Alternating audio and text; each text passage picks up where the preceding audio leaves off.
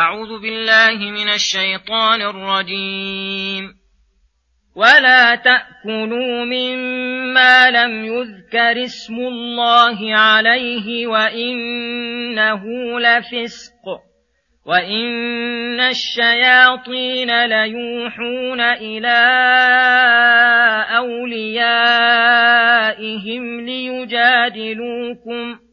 وإن أطعتموهم إنكم لمشركون أومن كان ميتا فأحييناه وجعلنا له نورا يمشي به في الناس كمن مثله كمن مثله في الظلمات ليس بخارج منها كذلك زين للكافرين ما كانوا يعملون. وكذلك جعلنا في كل قرية أكابر مجرميها ليمكروا فيها. وما يمكرون إلا بأنفسهم وما يشعرون. وإذا جاءتهم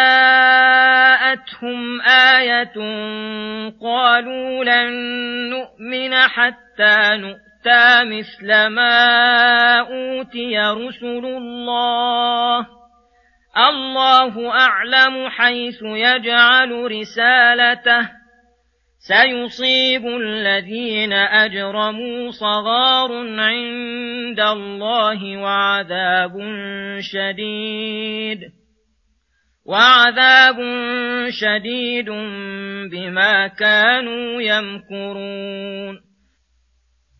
بسم الله الرحمن الرحيم. السلام عليكم ورحمة الله وبركاته.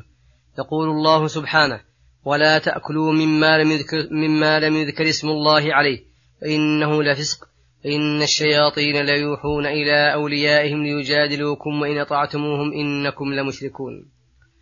ويدخل تحت هذا المنهي عنه, عنه ما ذكر عليه اسم غير الله كالذي يذبح للأصنام وآلهة المشركين فإن هذا مما أهل لغير الله به المحرم بالنص عليه خصوصا ويدخل في ذلك متروك التسمية مما ذبح لله كالضحايا والهدايا أو للحم والأكل إذا كان الذابح متعمدا ترك التسمية عند كثير من العلماء.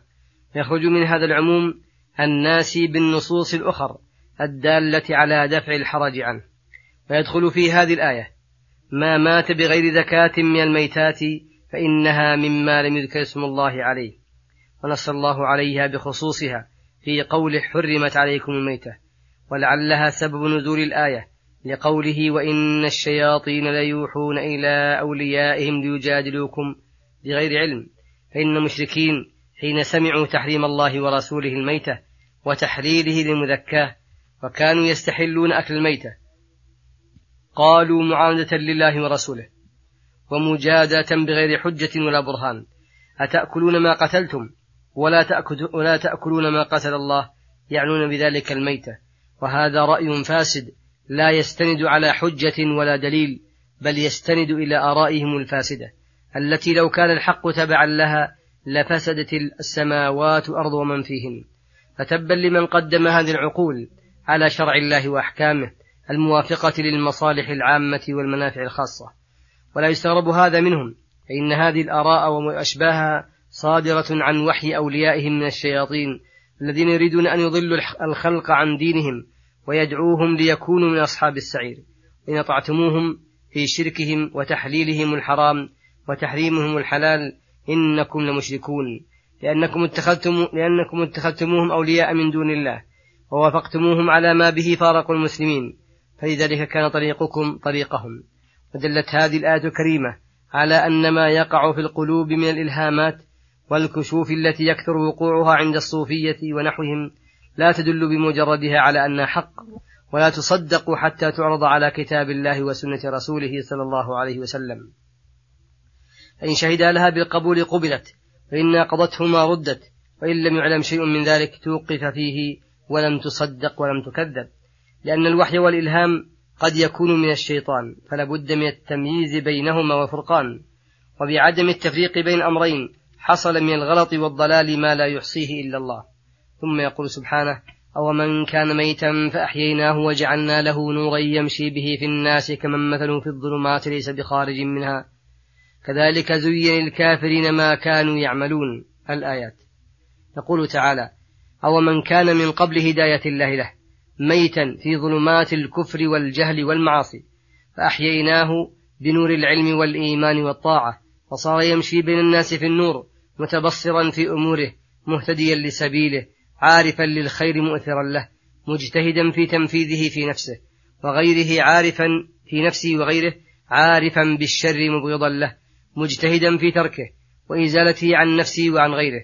فيستوي هذا بمن هو في الظلمات ظلمات الجهل والغي والكفر والمعاصي ليس بخارج منها قد التبست عليه الطرق وأظلمت عليه المسالك فحضره الهم والغم والحزن والشقاء.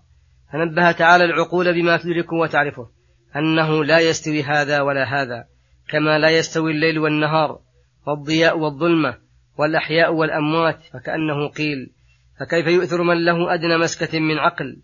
أن يكون بهذه الحالة وأن يبقى في الظلمات متحيرا فأجاب بأنه زين للكافرين ما كانوا يعملون. فلم يزل الشيطان يحسن لهم أعمالهم ويزينها في قلوبهم حتى استحسنوها ورأوها حقا. وصار ذلك عقيدة في قلوبهم وصفة راسخة ملازمة لهم فلذلك رضوا بما هم عليه من الشر والقبائح. وهؤلاء الذين في الظلمات يعمهون وفي باطلهم يترددون غير متساوين فمنهم القادة والرؤساء والمتبوعون منهم التابعون مرؤوسون والأولون منهم الذين فازوا بأشقى الأحوال. ولهذا قال وكذلك جعلنا في كل قرية أكابر مجرميها أي الرؤساء الذين قد كبر جرمهم واشتد طغيانهم ليمكروا فيها بالخديعة والدعوة إلى سبيل الشيطان ومحاربة الرسل وأتباعهم بالقول والفعل. إنما مكرهم وكيدهم يعود على أنفسهم لأنهم يمكرون ويمكر الله. والله خير الماكرين. وكذلك يجعل الله كبار أئمة الهدى. وأفاضلهم يناظرون يناظرون يناظرون هؤلاء المجرمين. ويردون عليهم أقوالهم. ويجاهدونهم في سبيل الله. ويسلكون بذلك السبل الموصلة إلى ذلك. ويعينهم ويعينهم الله ويسدد رأيهم. ويثبت أقدامهم. ويداول الأيام بينهم بين أعدائهم. حتى يدول الأمر في عاقبتهم بنصرهم وظهورهم والعاقبة للمتقين. فإنما ثبت أكابر المجرمين على باطلهم فقاموا برد الحق الذي جاءت به الرسل حسدا منهم وبغيا فقالوا لن نؤمن حتى نؤتى مثل ما أوتي رسول الله من النبوة والرسالة وفي هذا اعتراض منهم على الله وعجب بأنفسهم وتكبر على الحق الذي أنزله على أيدي رسله وتحجر على فضل الله وإحسانه. فرد الله عليهم اعتراضهم الفاسد أخبر أنهم لا يصلحون للخير ولا فيهم ما يجب أن يكونوا من عباد الله الصالحين. فضلا عن أن يكونوا من النبيين المرسلين. فقال الله أعلم حيث يجعل رسالته في من علمه في من علمه يصلح لها ويقوم بأعبائها ومتصف بكل خلق جميل ومتبرئ من كل خلق دنيء. أعطاه الله ما تقتضيه حكمته أصلا وتبعا ومن لم يكن كذلك لم يضع أفضل مواهبه عند من لا يستأهله ولا يزكو عنده. وفي هذه الآية دليل على كمال حكمة الله تعالى لأنه وإن كان تعالى رحيما واسع الجود كثير الإحسان فإنه حكيم لا يضع جوده إلا عند أهله. ثم توعد المجرمين فقال سيصيب الذين أجرموا صغار عند الله أي إهانة وذل كما تكبروا على الحق أذلهم الله وعذاب شديد بما كانوا يمكرون.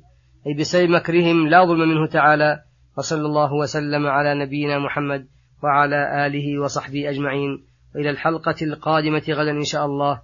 والسلام عليكم ورحمة الله وبركاته.